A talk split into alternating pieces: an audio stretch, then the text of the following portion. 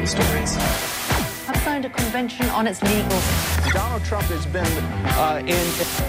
And there are lots of cliches. Japan's economy rebounded. Departure of flight to London Gatwick.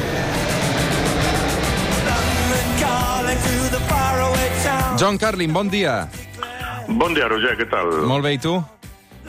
Ve, ve, disfrutando ya de una semana de libertad de la mascareta, poder ir por la calle con la cara desnuda. Ahora, si otros disfrutan de ver mi cara desnuda es otro tema, pero yo feliz. Mm. El que passa és que la pandèmia no va gaire pel, pel bon camí, de seguida en parlarem, però abans, John, et volia preguntar per aquesta Eurocopa, perquè Anglaterra eh, va bastant llançada, ahir Espanya es va classificar per les semifinals en aquest Espanya-Suïssa, que, si més no, també té alguna lectura, fins i tot política. Um, aquests sí que te l'estàs veient, aquests partits, eh? Sí, mira, he estado más enganchado a la Eurocopa de lo que me esperaba. Hace un par de semanas hablamos... Ens ha passat a tots, això, ens ha passat a tots, eh? Sí, ah, bueno, vale, me alegro. No, porque eh, ahora que han empezado las eliminatorias, mira, he visto algunos partidos fantásticos y partidos en los que no voy con ninguno de los dos equipos, pero de todos modos el fútbol ha sido en algunos casos tan bueno, tan dramático, que me he enganchado, especialmente el lunes pasado, fue un día eh, maravilloso de fútbol, con España, Croacia, después Francia, Suiza. No recuerdo un día de más intensas emociones viendo el fútbol y en cada en uno de los dos casos realmente me importaba demasiado qué equipo ganaba, si te confieso la verdad. Mm. A, a mi el que em passa amb les tandes de penals és que uh, tenen un magnetisme i, a més a més, si tampoc acabes d'animar cap equip, no?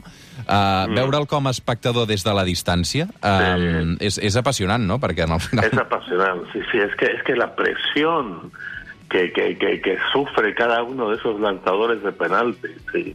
Y, y claro, me acuerdo de Mbappé, ¿no? Que es el gran, el gran jugador, dice en el momento, el que iba a reemplazar a Messi como la gran figura mundial y tenía un presentimiento que él iba a fallar el penalti decisivo contra Suiza y, y efectivamente, me acuerdo que una vez hace varios años Michael Robinson eh, me contó de una final de la Champions en la que él participó, que fue penaltis, y me, me estuvo como media hora contándome esos 5 o 10 minutos de la tanda de penaltis, y es algo tan ex- extremo, extremo, es como es un drama como elemental, universal, que nos engancha a todos, independientemente de que, como decimos, ¿no? Si te importa especialmente que gane uno u otro. Sí, uh, uh, i, i realment um, hi han hagut tantes de penals, perquè crec recordar que aquest uh, França-Suïssa um, només va fallar el penal Mbappé, però ahir sí que hi va haver molts jugadors que, que Busquets mateix, que va, va llançar la pilota al pal, no? Vull dir que ahir va ser molt més fallida. Sí, ayer fue otra cosa. Ayer empezamos mal con, con Busquets. Mira, te digo, España, eh, yo no creo que España, aunque está en semifinales, eh, sea una candidata seria para ganar. Parece un poco absurdo decirlo cuando llegan a semifinales, pero El nivell és el que és, eh? Vull dir, ara ha de, ha de, ha de superar l'obstacle d'Itàlia, però jo sí que la veig amb opcions, eh? es que, es que yo después, no sé, ¿tú viste Italia-Bélgica después?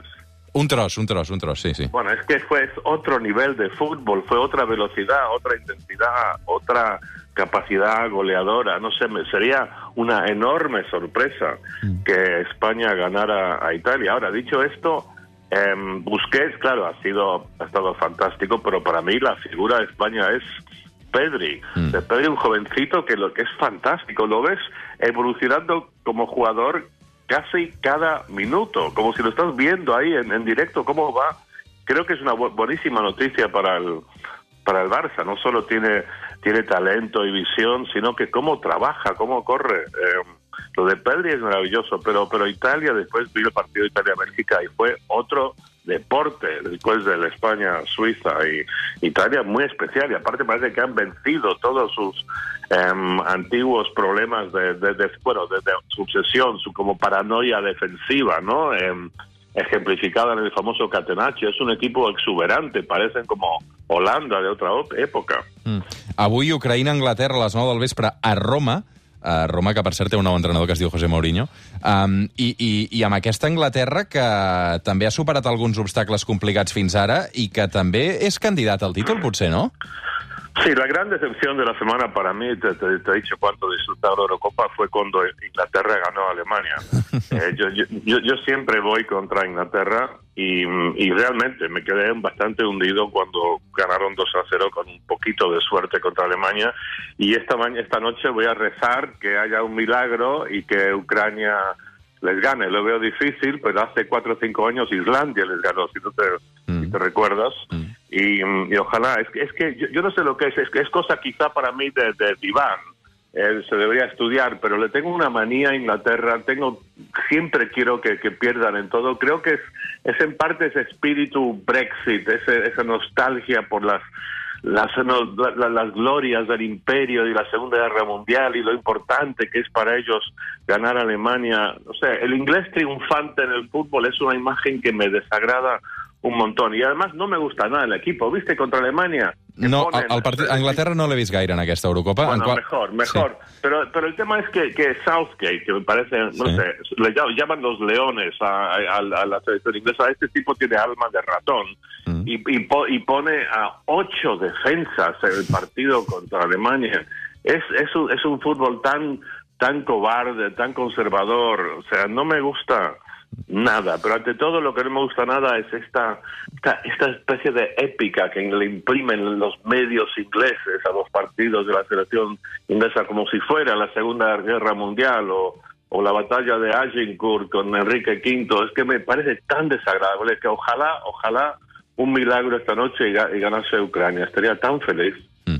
El que passa és que, uh, imagina't que, que Anglaterra finalment se'n surt i, i guanya aquesta Eurocopa, seria metafòric que després del Brexit eh, la selecció que guanyés l'Eurocopa fos, fos Anglaterra, eh? Ya, ya, sería, sería, sería duro, exacto. Entonces, justamente por eso, es otro motivo más por el que quiero que, que pierdan, claro, porque van a estar en plan, en plan Brexit eh, glorioso y em, ahora también es posible que, que- que llegue España e Inglaterra a la final y temo que Inglaterra, jugador por jugador, es un equipo mucho más fuerte que España, pero ahí otra vez más estaría buscando un, un milagro. Va, posem-hi música.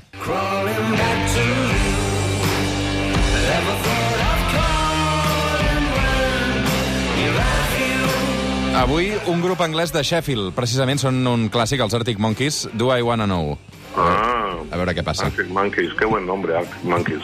Una abraçada, Vale. John. Bon Una dissabte. abraçada, Roger. Fem, arribem fins les 9 del matí i de seguida ens actualitzem amb la pandèmia, amb Antònia Font i amb el David Miró, la Núria Oriols i l'Estefania Molina. Fins ara.